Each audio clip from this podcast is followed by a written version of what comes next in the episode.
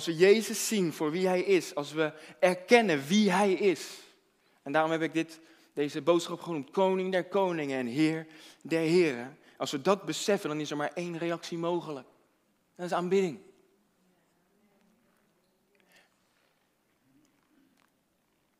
Ik kijk heel veel films, heel veel series, hou ik van. Als, of het nou Caesar was, de keizer in de Romeinse tijd. Of het nou uh, King Arthur was in de middeleeuwen. Of het nou koning Willem-Alexander is.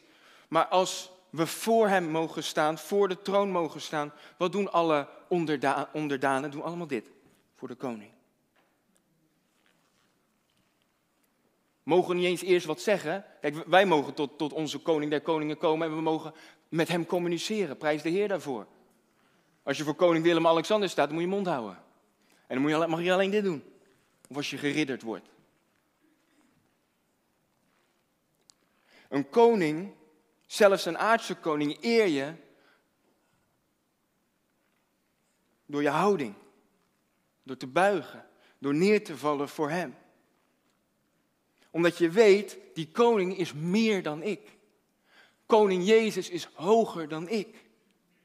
En daarom neem ik de laagste plaats aan, omdat ik voor die machtige, almachtige, grote, heilige koning mag staan.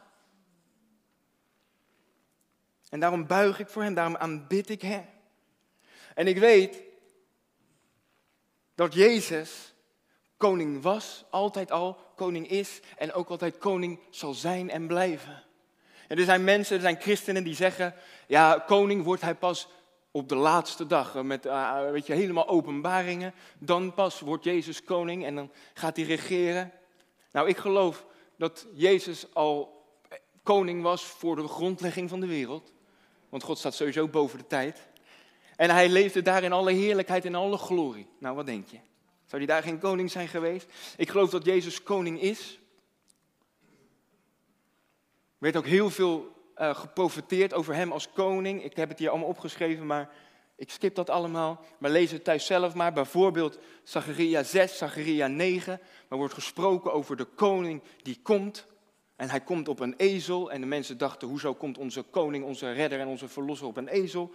En ja hoor, 500 jaar later in Matthäus, wat is het, 20, kwam Jezus rijdend op een ezel in Jeruzalem.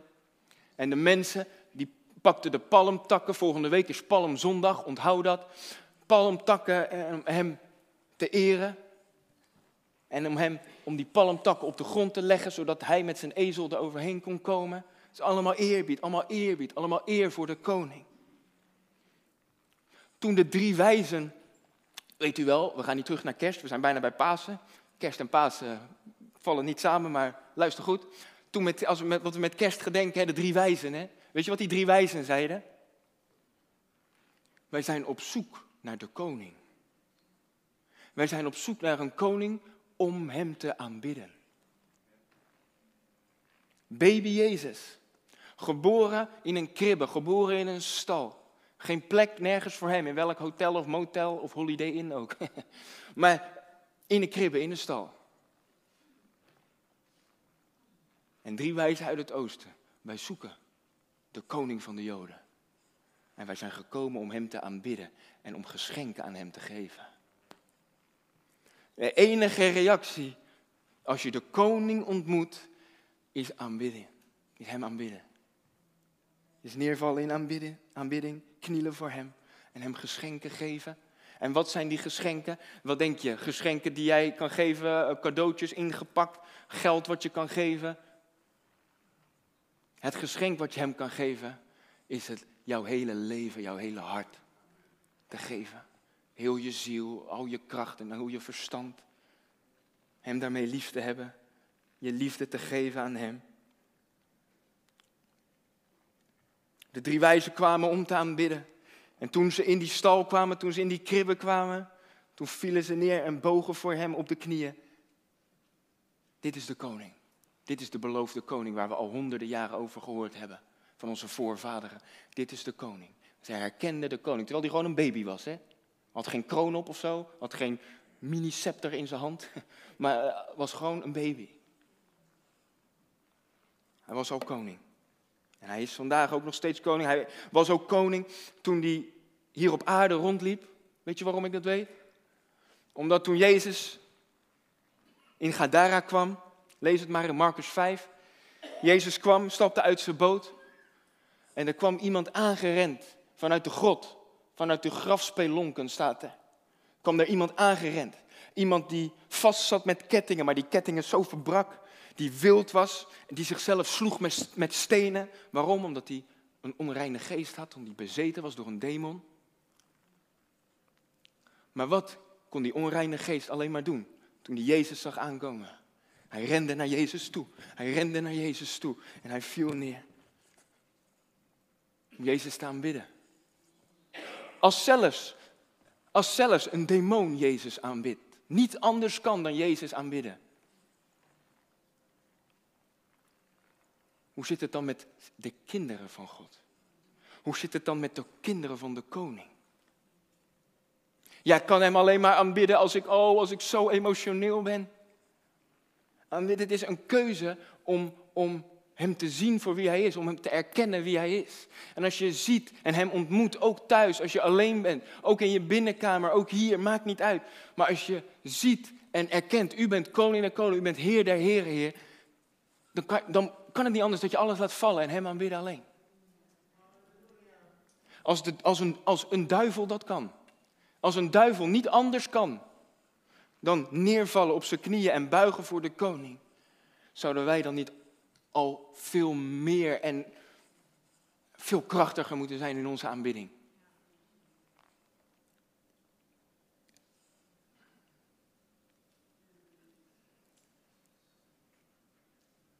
Hij kon niet anders.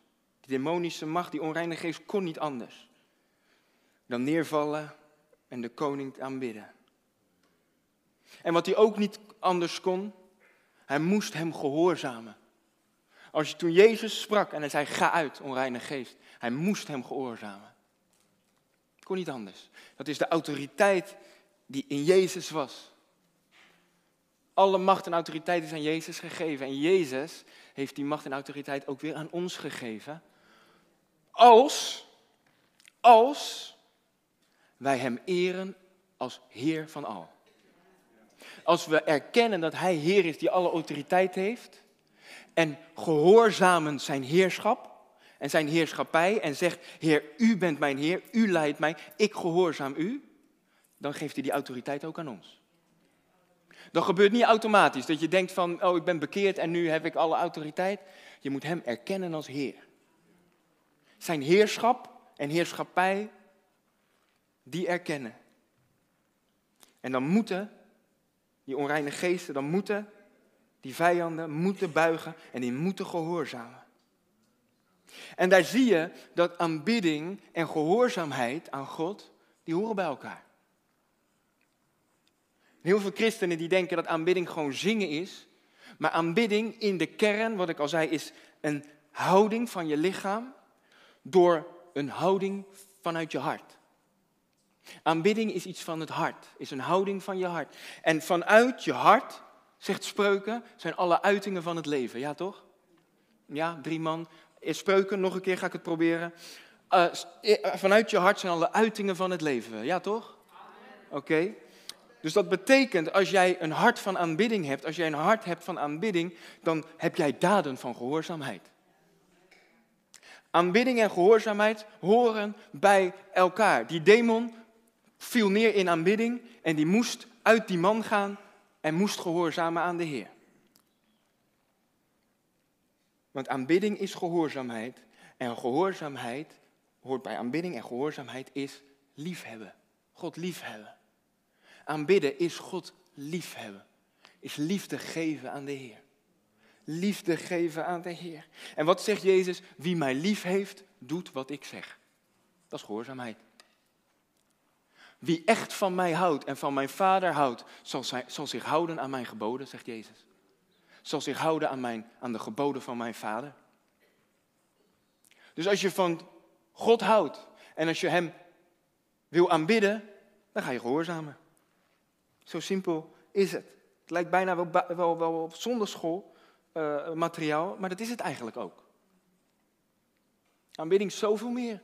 Zoveel meer dan zingen. Is gehoorzamen, het is liefhebben. Het is een houding van, vanuit je hart naar je lichaam. Lichaamshouding ook. Aanbidding is de koning gehoorzamen boven alles. Wat zou je die koning anders willen geven? Dan een leven van aanbidding, dan een leven van gehoorzaamheid, dan een leven van overgave. Een surrendered life, een, een overgegeven leven, is wat je de koning kan geven. Het enige waar hij blij mee is.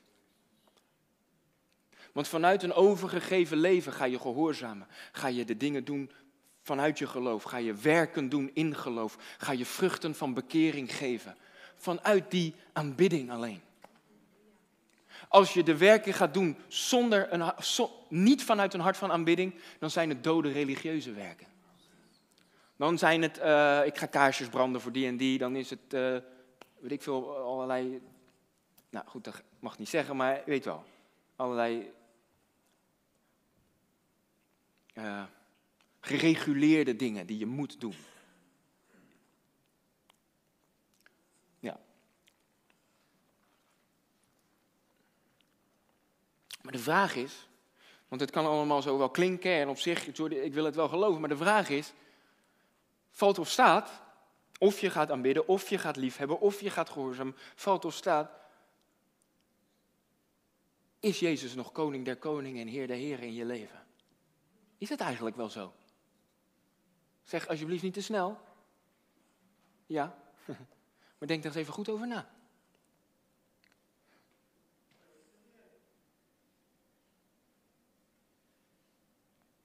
Ik weet niet hoe het met u zit, maar ik begin mijn gebed heel vaak met lieve Heer Jezus.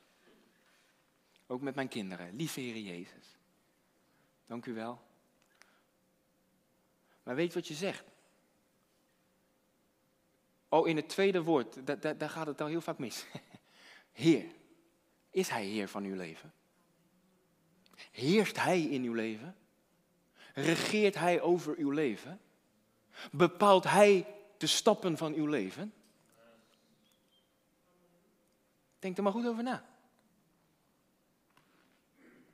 Zijn je oren open voor zijn stem? Als hij zegt, ik wil dat je hier rechtsaf gaat, terwijl jij al je hele plannetje voor de komende twee maanden had uitgestippeld en je wil naar links. Is hij echt heer van je leven?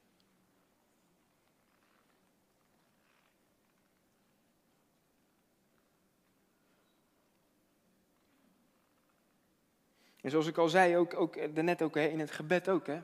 Lieve Heer Jezus, beseffen we wel dat we tot de Heer der Heren komen. Tot de, de, de Meester, onze Meester komen. Ja, hoe zouden we dan bidden? Hoe zouden we dan tot Hem komen? En ik zei het net al, ja, Hij is ook. God is onze goede, goede, goede, goede Vader. En Jezus, onze beste, beste, beste vriend. Zeker. Zeker. En je mag ook zo tot Hem naderen. Je mag ook naderen, moet tot naderen als, als een vader, zeker. En, je, en, en, en als een beste vriend. Maar we mogen nooit vergeten dat Hij nog steeds wel God is. Een heilige God. En een koning der koningen en een heer der heren tot wie wij mogen komen door wat koning Jezus voor ons heeft gedaan aan het kruis. Wat we met Pasen, met Goede Vrijdag over twee weken gaan uh, gedenken. Ik bid u ook zo toe dat u echt de komende tijd, komende twee weken naar Goede Vrijdag en naar Pasen toe, dat u zo toeleeft naar, dat u zegt, Heer, ik wil die Goede Vrijdag wil ik niet meer als een gewoonte, maar ik wil echt dat die helemaal nieuw wordt. Dat uw bloed weer helemaal nieuw moet, wordt. Maar goed, oké, en uw opstanding natuurlijk. Maar dat is, daar moedig ik nu mee aan en ik hoop dat dat bid voor u dat dat gebeurt. Maar wat zei ik is dat we niet moeten vergeten dat ja, hij is onze beste vriend en zo mogen we tot hem komen. Maar hij is ook een heilige God en een heilige koning. Rechtvaardig, puur en rein. En daarom geloof ik dat in de kerk in het hele lichaam van Christus, in de gemeente wereldwijd, in de kerk, maar ook in onze gemeente, in de lokale gemeente, moet het ontzag voor God weer terugkomen. Moet het heilige ontzag en ook de vrezen des Heren weer terugkomen. Want de vrezen des Heren, de vrees van God, is het begin van alle wijsheid, spreuken. Is het begin. Is het begin. Als u daar binnenkomt en u begint hier binnen te komen, het begin is de vrezen des Heren. En niet, oh, bangig en oh, jeetje, ik, ik, ben eh, dit, weet je wel. Maar wel beseffen, ik kom tot Jezus, de heilige koning der koningen en heer der heren. En daarom verneder ik me voor u, Heer. Want ik ben het niet waard dat ik tot u mag komen, maar dat kan alleen maar doordat uw voorhangsel is gescheurd. En totdat ik mag komen in het allerheiligdom. Door wat Jezus heeft gedaan, door zijn bloed.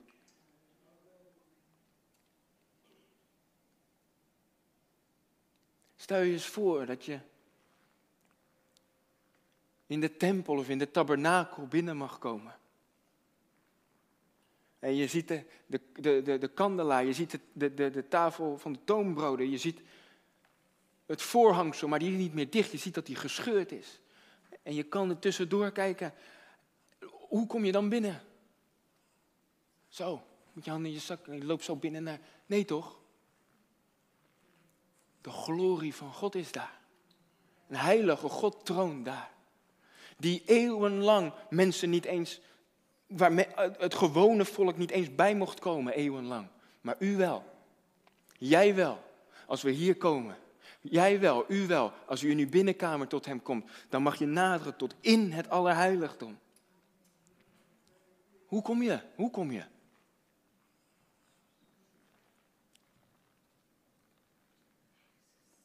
Ja, hij is een vriend. Hij is ook een vriend. Ik mag met hem praten als een vriend.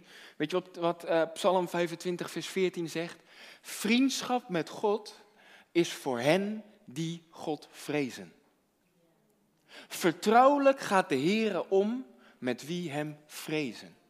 Dus als je hem vreest, dan pas kan je hem een vriend noemen.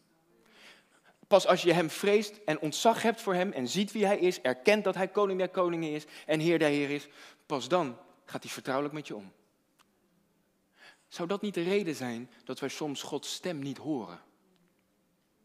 Hij wil vertrouwelijk met je omgaan. Hij wil de geheimenissen van het koninkrijk met jou bekendmaken. Hij wil tot jou spreken. Hij wil jou leiden in jouw dagelijks leven. Maar misschien hoor je hem niet omdat je nog geen vriendschapsvertrouwensband met hem hebt. Waarom? Omdat je hem misschien nog niet vreest.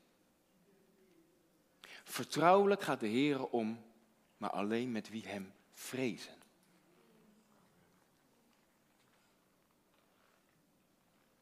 We hebben gezongen, Koning Jezus, prijs Koning Jezus. We hebben gezongen, we zingen voor de koning, het lam op de troon. Kom, zing dit lied met mij. En wat nog meer? Uh, zing en verhef je stem voor Jezus. Dankjewel.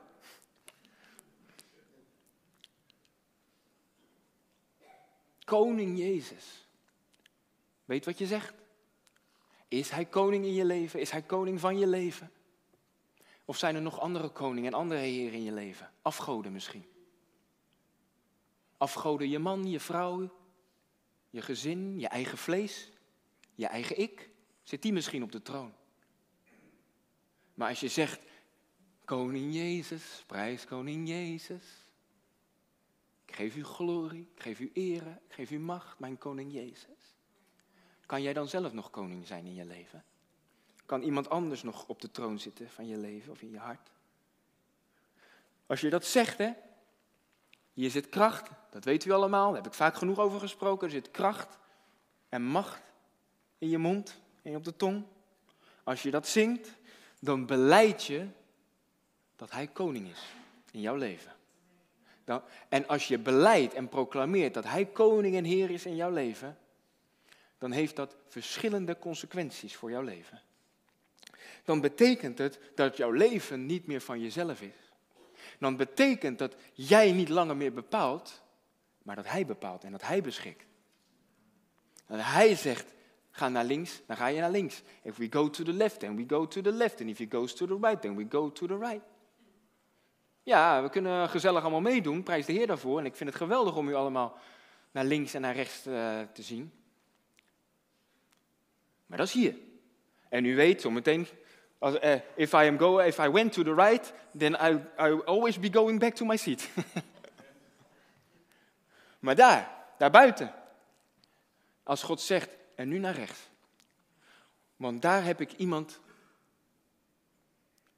een zondaar zitten, en die wacht totdat jij tegen hem gaat zeggen dat Jezus van hem houdt.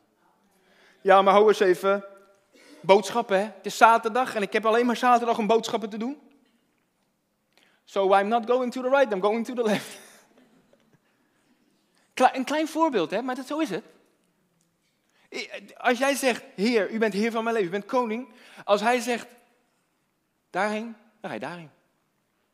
Wist je dat het grootste voorrecht van een kind van God is niet dat je uh, voor hem uh, dingen mag doen. Is nog niet eens dat je hem mag bezingen. Is nog niet eens dat je hem mag aanbidden. Het grootste voorrecht voor een kind van koning Jezus is dat je mag vasthouden aan de zoon van zijn kleed. En als je dat doet, dan betekent het, gaat hij daar naartoe, dan ga ik daar naartoe. Gaat hij daar naartoe, dan ga ik daar naartoe. Als je je maar vasthoudt aan zijn bovenkleed.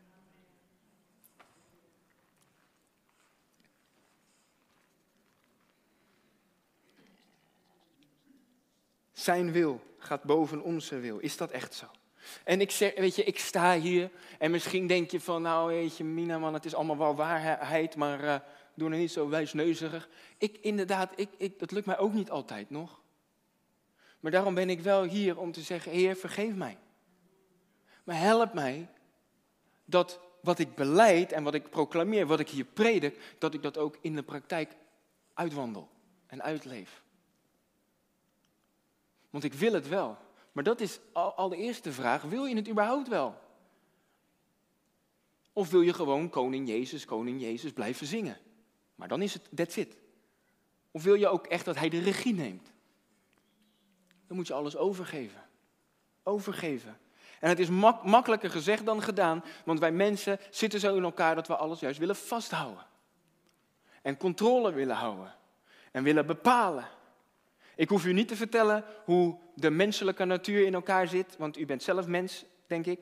En dan heeft u een natuur, en die natuur is voor ieder mens, bijna ieder mens, 99% van alle mensen is, ja maar ik bepaal wat ik doe. Helemaal niemand gaat mij vertellen wat ik moet doen. Helemaal niemand gaat mij vertellen wat ik moet doen. Ik bepaal, want ik werk ervoor, Ik bepaal. Ik bepaal wat ik doe. Ik bepaal waar ik ga. Ik bepaal wat ik zeg. En daarom hebben mensen problemen. En daarom is, hebben mensen problemen met Jezus. Daarom hebben mensen problemen met de kerk. Want we willen ons niks laten gezeggen. Nee, dat moet je ook niet door mensen laten doen, dat moet je door Gods woord laten doen. Maar als mensen dat doen, vanuit de structuur die in de Bijbel staat, en ze doen het uit liefde. Dan nog heb je de keus, de vrije wil, om het aan te nemen of niet. Maar het is wel iets bijbels. En daarom zegt de wereld niet alleen ik bepaal wat ik doe, ik bepaal waar ik ga, maar daarom zegt de geest die in deze wereld werkzaam is, de geest van de antichrist, die zegt ik bepaal zelfs wie ik ben. Moet ik daar een deurtje over open doen? Ik bepaal wie ik ben. Als ik mij voel nadat ik twintig jaar een man ben geweest en ik voel me nu een vrouw, dan word ik een vrouw. Ik bepaal wie ik ben. Want ik voel dit of dat. Het is allemaal zo ouderwets dat een man met een vrouw moet trouwen. Ik bepaal wie ik ben. Ik bepaal wat ik doe. Het is de hoogmoed en trots van een mens. En ik, ben, en ik, ik hou, en we moeten ook allemaal houden van en liefhebben, alle zondaars. Dus zeker ook, wij moeten houden, als kerk van Jezus Christus, moeten we veel meer ons best doen om te houden. Ook van het hele alfabet. L, A, B, T, I en weet ik het wat allemaal. Zeker. Maar we moeten ze niet belachelijk maken, ook niet, zeker niet. Maar het is niet voor niks dat hun kernwoord pride is. Weet je wat pride betekent? Betekent trots. Het is de trots van de mens. Het is de trots van Satan. Die zegt, ik bepaal wie ik ben. Ik bepaal mijn leven. Ik bepaal met wie ik trouw. Ik bepaal of de baby die in mij is, of ik die hou of dat ik die aborteer. Ik bepaal over mijn leven. En mensen gaan voorbij aan wie werkelijk Heer is. Dit staat uh, allemaal niet voorbereid, maar laat de, Heer, laat maar Heer zijn en laat Hem maar spreken. Dat is onze oude menselijke, onze zondige natuur. Dat is ons vlees. Dat is ons vlees. En ook in, in christenen hebben we nog te maken met ons vlees. Ons vlees is een vijand waarmee we pas als Jezus ons komt ophalen, dan pas hebben we niet meer met die vijand te maken. Ons vlees, je kan niet zeggen van, oh mijn vlees, uh, weet je wel, ik ben gered, dus ik heb geen vlees meer. Je hebt je vlees nog steeds. Maar, als het goed is, is je vlees wel gekruisigd met Jezus. En moeten we die elke dag weer kruisigen met Jezus. Ons vlees. Maar wij mensen, wat ik al zei, we willen het graag vasthouden. En daarom zegt Jezus, die zegt ook, ons vlees wil, uh, uh, juist ons vlees moeten we doen sterven, opdat we ons leven gaan behouden. Maar wat wij vaak willen is, wij willen ons vlees behouden, we willen ons leven behouden. En dan zal je hem juist verliezen. Zegt Jezus. En daarom zegt Jezus, onder andere, ik had een slide van Lucas 6, vers 46, maar ook Matthäus 7, vers 21. Waarom noemt u mij eigenlijk heren, heren, als u toch niet doet wat ik zeg? En in Matthäus 7, niet ieder die tegen mij zegt, Heere, Heere, die zal binnengaan in het koninkrijk der hemelen. Maar wie de wil doet van mijn Vader die in de hemel is. Dat heb ik net al gezegd. Dus weet wat je zegt als je zegt, Heer Jezus, Heere Jezus, mijn Heer, mijn heiland, mijn koning. Als je niet doet wat hij zegt, maar alleen met je mond beleidt dat hij Heer is, maar geen doener bent. Als je hem niet gehoorzaamt in alles, Ik kan het niet mooier maken dan het is, maar die zal niet binnengaan in het koninkrijk der hemelen.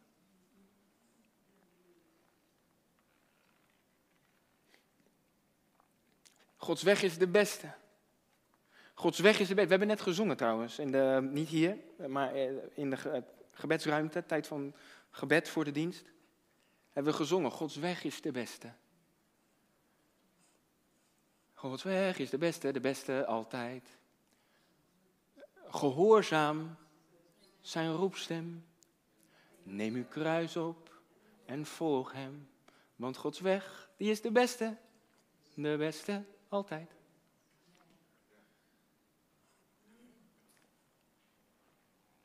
Gods weg is de beste, ja, Gods weg is de beste. Maar alleen wel waar je gaat, waarheen Hij je ook leidt. Weet je waarom? Jezus zegt ik heb het vaak uh, zo uitgebeeld, ik ga het nog een keer doen. Jezus zegt, mijn juk is zacht en mijn last is licht. Ja toch? Oké, er zijn nog twee mensen wakker. Mijn juk is zacht en mijn last is licht, zegt Jezus. Amen. Oké. Een juk is, is, zijn van die houten dingen hè, waar twee ossen zo vastzitten aan elkaar. Jezus, die wandelt met ons. Met een, zo, Jezus wandelt samen met ons. Zijn juk is zacht en zijn last is licht. Ja, als we gaan waar hij, waar, waar hij ons leidt. Maar als Jezus zegt, want hij is onze leidsman als het goed is en onze Heer. Als hij zegt, we gaan daarheen. En jij zit vast met hem aan dat juk. En jij zegt, nee, ik blijf liever staan. Ik blijf zitten. Of, nee, ik wil die kant op. Wat gebeurt er dan? Dan heb je pijn. Ja toch? Zo simpel is het. Want je zit vast aan die leidsman. Ja, maar hoe kan dat nou dat het pijn doet, Heer? Want uw juk is toch zacht en uw last is toch licht? Ja, maar wel als je gehoorzaamt waar die gaat. Want anders doet het pijn en dan is het niet meer zo zacht. En dan is het niet meer zo licht, omdat je hem niet gehoorzaamt. Gods weg is de beste, maar als jij niet meegaat in die weg, dan wordt het een harde weg. En een moeilijke weg.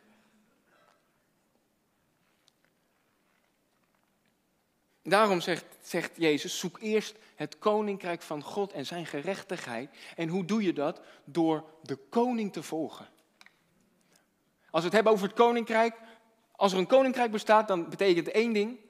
Kan het een groot land zijn, kan een klein land zijn, kan het veel volk zijn, kan het weinig volk zijn. Maar één ding is per definitie altijd waar. Een koninkrijk moet één ding hebben, dat is een koning. Dus als jij zegt, ik zoek het koninkrijk als eerst, ja, dan moet je de koning zoeken. En dan moet je de koning eren. Voor alles en boven alles. En dan is, dan is het gewoon heel simpel. Als je hem volgt, als hij, al, ga je door een diep dal van donker, donkere duisternis heen. Maar als je de herder volgt, als je met hem meegaat op zijn weg, dan kan je er ook zo weer uitkomen. Op zijn weg.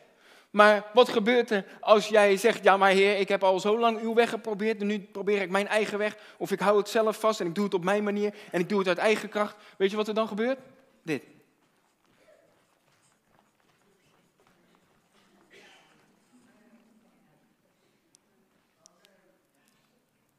Het volk Israël, toen ze uit Egypte waren bevrijd, hè? met Mozes, hè? je weet wel. Hè? Uit Egypte, hè? Weet je hoe lang ze erover deden? Hoeveel?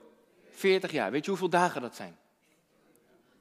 Ik heb, ik heb, ik heb uh, mijn calculatortje erbij gepakt. Ik heb niet uit mijn hoofd gedaan. 40 jaar. Weet je hoeveel dagen dat zijn? 14.600 dagen. Laten we afronden op 14.000. Uh, laag inzetten. 14.000 dagen hebben ze erover gedaan. Weet je hoe lang het eigenlijk had hoeven duren als ze gewoon in één rechte lijn waren gelopen van Egypte naar het beloofde land? 11 dagen. Als je maar niet vergeet wie Heer is in je leven. Als je maar niet weer vergeet dat Hij de koning is die jou wil leiden. En je ook jezelf overgeeft en zegt, Heer, mijn eigen weg, ik ga het niet eens meer proberen. Die rotzooi die ik er zelf van maak. Ik geef mijn leven in uw hand. Ik geef mezelf over aan u. En uw weg is de beste. En waarheen u mij ook leidt, ik gehoorzaam uw roepstem. Dan kan je er in het beloofde land al in elf dagen zijn. En op eigen kracht had je er 14.000 dagen over gedaan. En zo is het ook met je zorgen, met je problemen, met je moeilijke situaties. Ook al ga je door een diep, door een dal van duisternis heen. Hij is met je, maar dan moet je ook wel naar hem luisteren.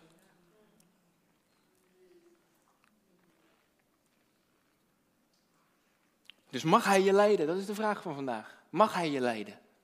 Mag hij de leiding nemen in je leven? Heeft hij de ruimte om te regeren in jou? Mag hij het stuur nemen van, van je auto? Van de auto van je leven, zou ik willen zeggen. Dat, dat is een, een, een, een metafoor die u waarschijnlijk al honderd keer gehoord heeft van al honderd verschillende sprekers. Maar het is wel zo. Het is cliché, maar het is wel zo. Mag hij niet alleen zitten in je auto, maar mag hij ook het stuur nemen van je auto? Maar heel veel van ons, laten we eerlijk zijn, ja, hier, kom maar. Kom maar in de auto. Heer, neem plaats. Neem plaats in mijn auto, Heer. U bent Heer, u bent koning van mijn leven. U bent koning de koning en Heer de Heer. Kom zitten in mijn auto.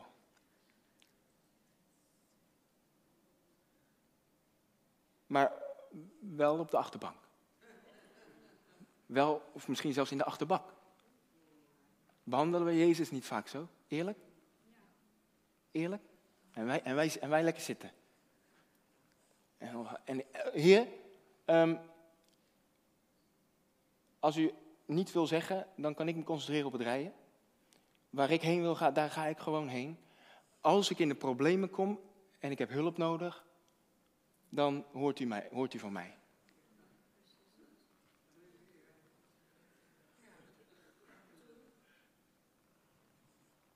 Als het mistig wordt, Heer, en ik kan geen hand meer voor ogen zien en ik, ik weet niet meer waar ik naartoe moet rijden, Heer, wilt u dan van de achterbank komen? Ja, nee, de Heer zit bij mij niet op de achterbank hoor. Nee, hij zit gewoon voor. Ja, voor heb je nog steeds twee plekken. Hè? Of op de passagiersstoel of in de driver's seat. Waar zit hij?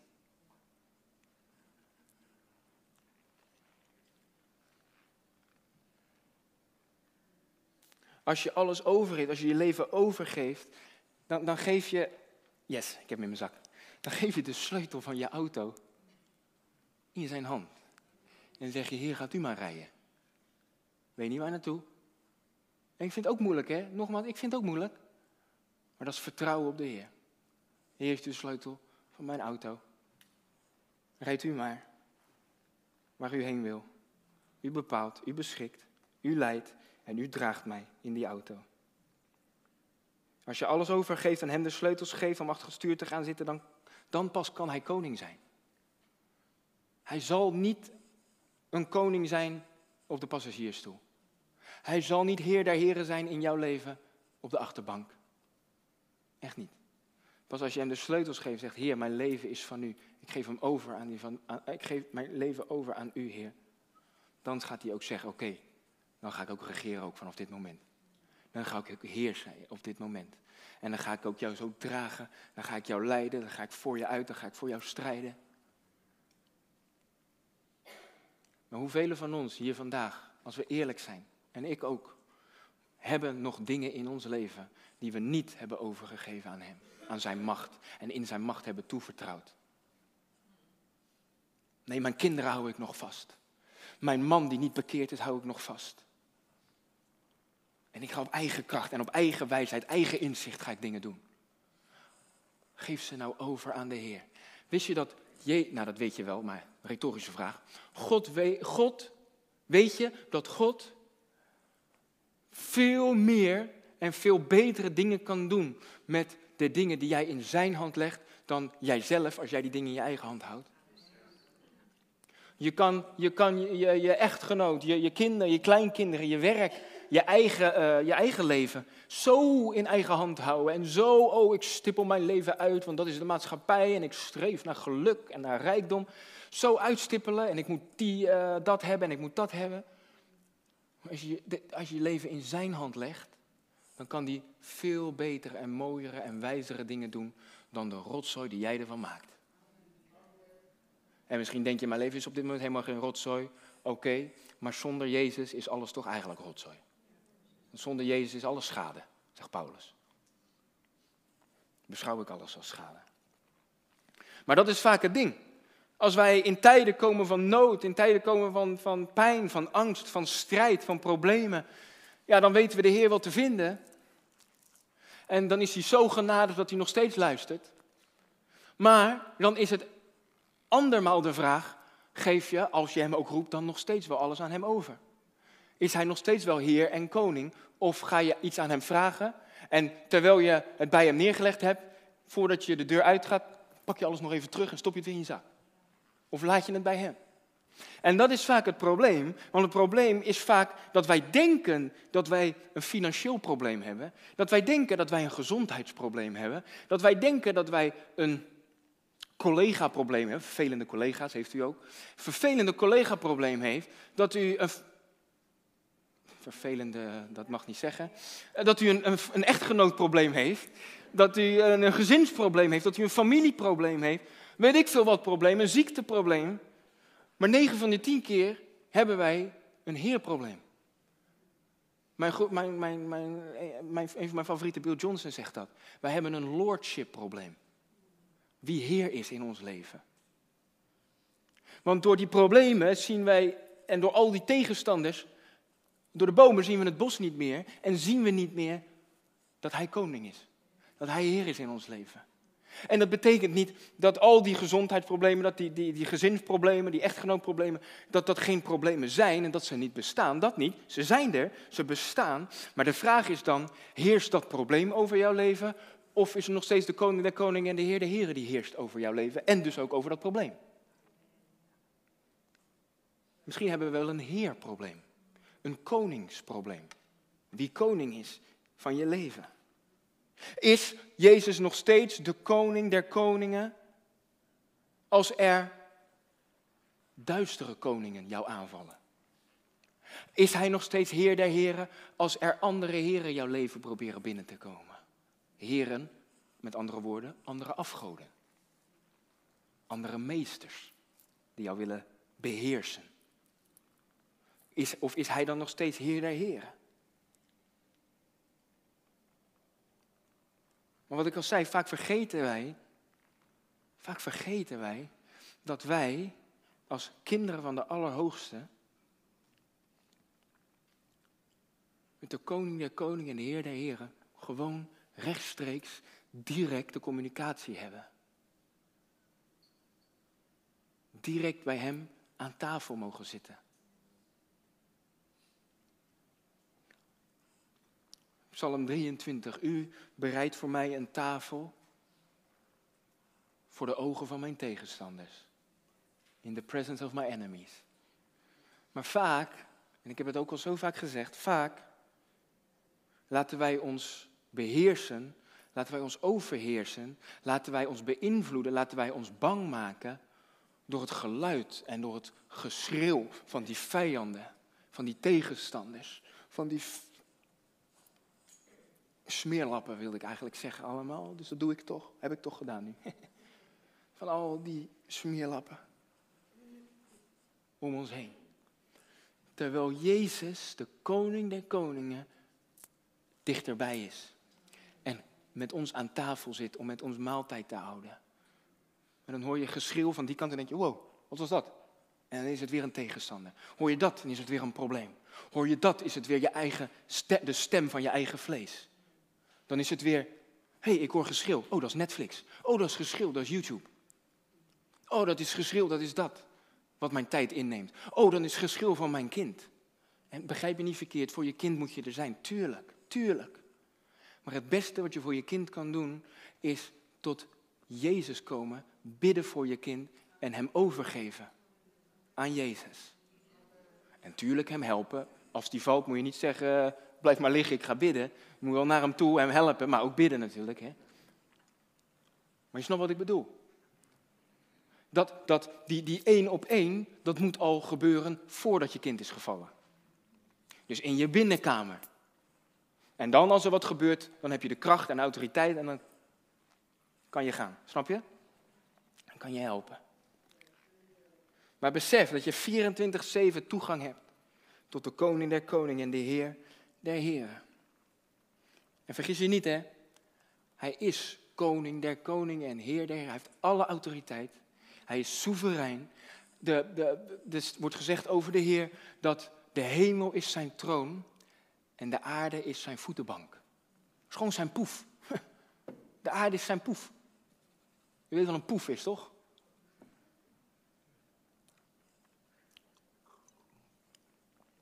Zo groot is onze God. Besef je dat nog?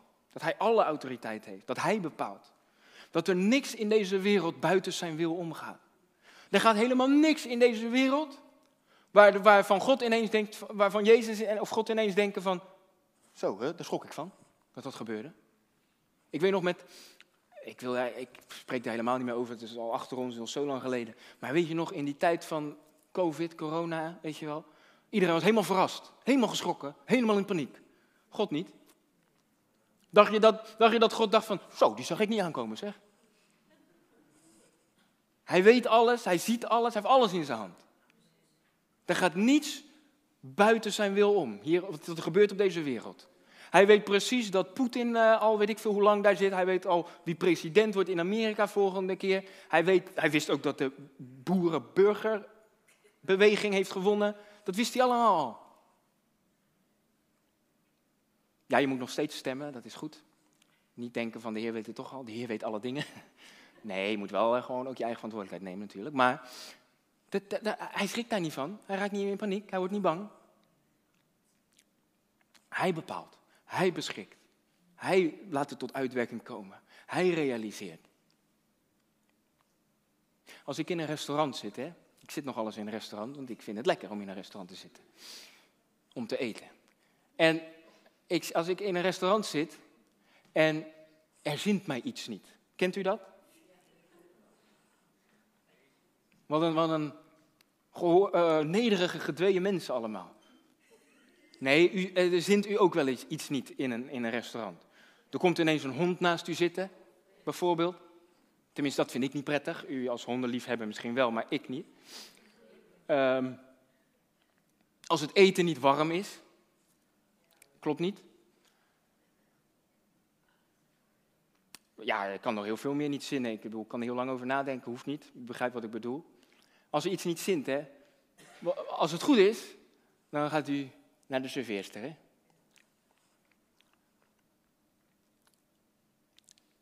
En de serveerster, die zegt bijvoorbeeld... Ja, maar meneer, dat is, dat is iets wat ik niet kan... Uh, dat kan ik niet zeggen, hoor. Dat kan ik niet bepalen voor u, sorry. maar ik, ik kan dat niet, ik, ik bepaal dat niet, ik, heb dat niet uh, ik ben maar gewoon serveerster. Wat zeg je dan? Ik ken hier broeders in de gemeente, ik kijk bewust niet hun kant op, maar die gaan op hun strepen staan. En wat zeggen we dan, hè broeder? Dan zeggen wij, can I talk to the manager? Kan ik de manager spreken? En waarom doe je dat? Waarom doe je dat? Omdat de manager meer autoriteit heeft dan de serveerster. Omdat de manager kan bepalen, oké, dan krijgt u van mij deze maaltijd gratis. Omdat het niet goed was. Die serveerster die komt net kijken, die mag dat niet zeggen. Want die heeft daar de autoriteit niet voor. Maar de manager wel. Of de bedrijfsleider wel. Of de eigenaar wel. Als u nou eens beseft dat Jezus de allerhoogste manager is in deze hele wijde wereld. En u weet dat u rechtstreeks contact met hem heeft. Dat u niet eerst naar een serveerster moet gaan. Mag ik spreken tot de manager? Dat u niet eerst van alles goed moet doen of, uh, om tot de manager te mogen komen. Maar u mag direct, rechtstreeks, 24 uur, 7 dagen per week, mag u tot de hoogste manager, de manager der managers in deze wereld, mag u komen. En mag u zeggen, nou ja, iets zint me niet, zou ik niet gelijk zo zeggen, maar zou ik in ieder geval iets zeggen van, Heer, dat en dat klopt niet, ik heb dat en dat, daar loop ik tegenaan, ik weet het niet allemaal. Heer, maar u bepaalt, Heer. Wat u zegt, dat geschiet ook. Dus ik kom bij u, want u bent de enige die kan bepalen dat dat stopt, dat dat begint, dat alles. Dat dat opgelost wordt.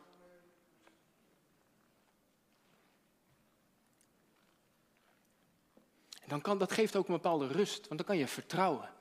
Hoef je dan nog zorgen te maken? Ja, tuurlijk maak ik me nog wel eens zorgen. Maar ik wil, ik wil direct wil ik mijn zorgen op Jezus werpen, want Hij is toch die hoogste manager. En die koning der koningen en heer der heren. Hij bepaalt, Hij beschikt. Kan ik beter overgeven aan Hem, ja toch? Dan dat ik zelf uit eigen kracht allemaal dingen wil doen. Dus wat er ook gebeurt hier op aarde. Ik heb net al voorbeelden genoemd van Poetin, Oekraïne, eh, China, Xi Jinping en Ho Chi Minh. Oh nee, Ho Chi Minh was 50 jaar geleden. Uh, verschillende. Nee, dat mag ik ook niet zeggen. Sorry. Maar verschillende regeringsleiders. Welke, welke barensweeën er nog in de eindtijd zullen komen, die alleen maar heftiger en frequenter zullen worden naarmate de dag van Jezus nadert. Maar welke die ook gaan komen, Jezus is Heer. Jezus is koning der koningen en hij bepaalt. Hij beschikt. God, nou ja, oké, het enige wat Jezus niet weet is wanneer hij terug mag komen, dat weet God alleen. Maar dat het gaat gebeuren en dat alles, dat wij daardoor een hoopvolle toekomst hebben, dat staat vast. Dus maak je geen zorgen. Wees niet bang. Oh ja, maar ik, kijk, ik heb ook kinderen. Ik, ik ben heel veel aan het praten nu, maar oké, het was toch al, uh, ik was toch aan het praten, dus ik ben het toch. Dan kan ik net zo goed verder gaan. Uh, wat wil ik zeggen? Ik heb ook kinderen. En, en ik ook denk van ja, weet je wel, oh, oh, oh, het wordt allemaal uh, moeilijker en erger en duisterder in deze wereld. En welke regering zit er en weet je, hoe gaat het hier in Nederland? Ja, weet je, ja, wat moet ik doen? Stemmen, dat, dat is wat ik kan doen als mens. Maar, maar voor de rest kan ik niet gaan bepalen van hoe of wat, maar God wel. Kan ik beter mijn vertrouwen op hem stellen dan mijn vertrouwen in uh, Caroline van der Plas of in Mark stellen? Of niet? Sweet Caroline. Wat er ook gebeurt op deze aarde, Jezus heeft het in zijn hand. Hij is koning, hij is Heer. En weet je, vanaf het moment dat je handen in, je leven in zijn handen legt, weet je wat dat dan is? Dan is het zijn verantwoordelijkheid. En dat klinkt gek, hè? Dat klinkt misschien gek dat je denkt van, nou heer, uh, dit is niet meer mijn pakje Jan. Maar het is wel zo dat als jij je hele leven aan hem geeft, vanaf dat moment is jouw leven zijn verantwoordelijkheid. En hij faalt nooit in die verantwoordelijkheid.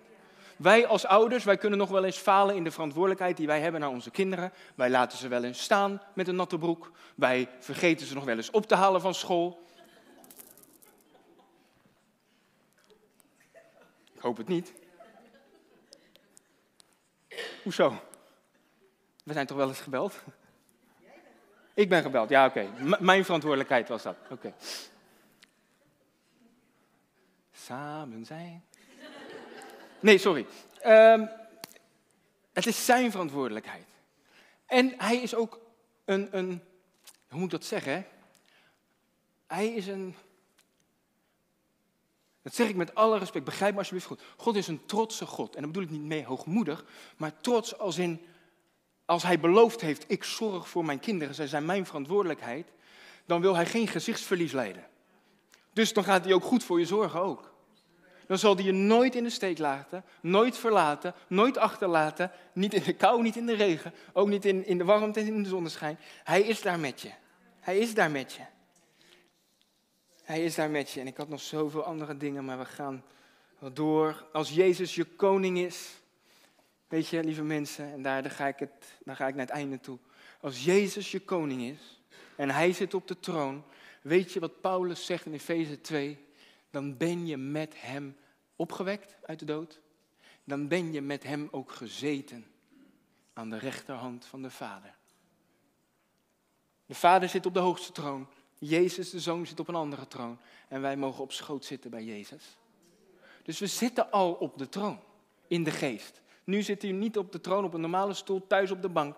Maar in de geest zitten we al, regeren we al, als het goed is, met Christus op de troon, in de hemelse gewesten. En daarom zegt Paulus in Romeinen 5, vers 17, daar heb ik ook nog een slide van, Romeinen 5, vers 17.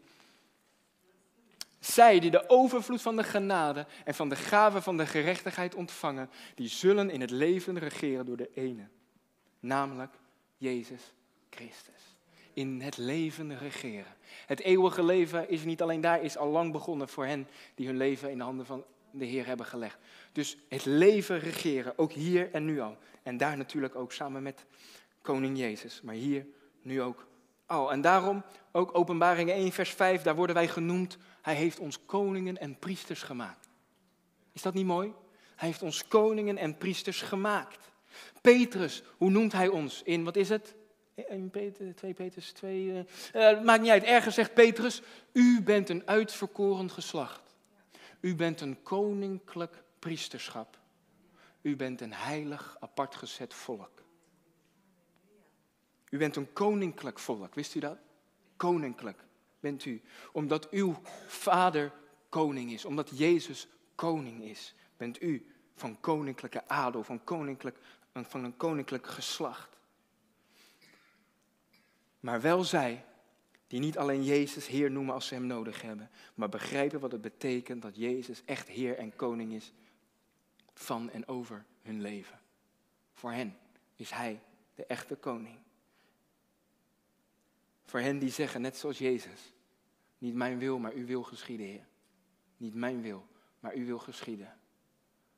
Niet mijn weg, maar uw weg, Heer. Niet mijn uitgestippelde plan voor mijn leven, voor mijn gezin, voor mijn familie. Ik geef over aan u, Heer. Uw wil boven mijn wil, Heer. En daarom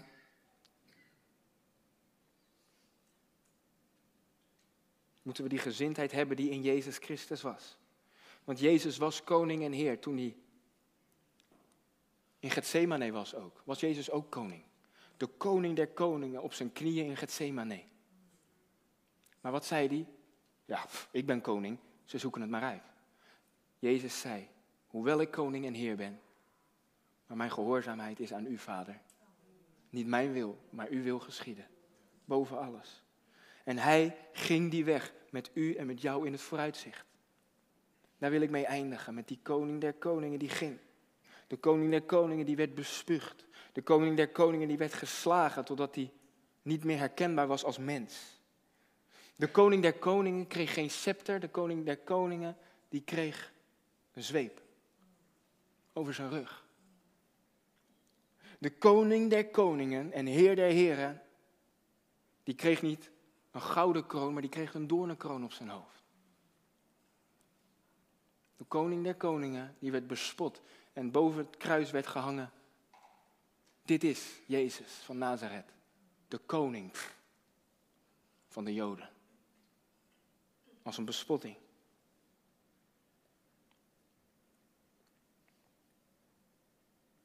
En begrijp het goed, besef het goed als we naar Goede Vrijdag toeleven, over anderhalve week.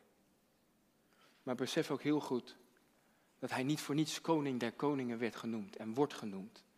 Want hij is die koning die dat allemaal doorstaan heeft voor ons. Maar hij is ook de enige koning in, door alle eeuwen heen die stierf voor zijn eigen volk. Zodat zijn, zodat zijn volk leven. En dat leven in overvloed en het leven tot in eeuwigheid zou mogen ontvangen. Hij is de enige koning die nu leeft in zijn kinderen.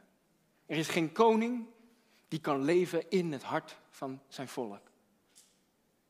En hij is de enige koning die terugkomt. In al zijn glorie. En dan komt hij niet meer terug om te sterven aan het kruis, maar komt hij terug om te regeren als koning der koningen en heer der heren. En eens, eens dan mogen we hem zien, die koning der koningen.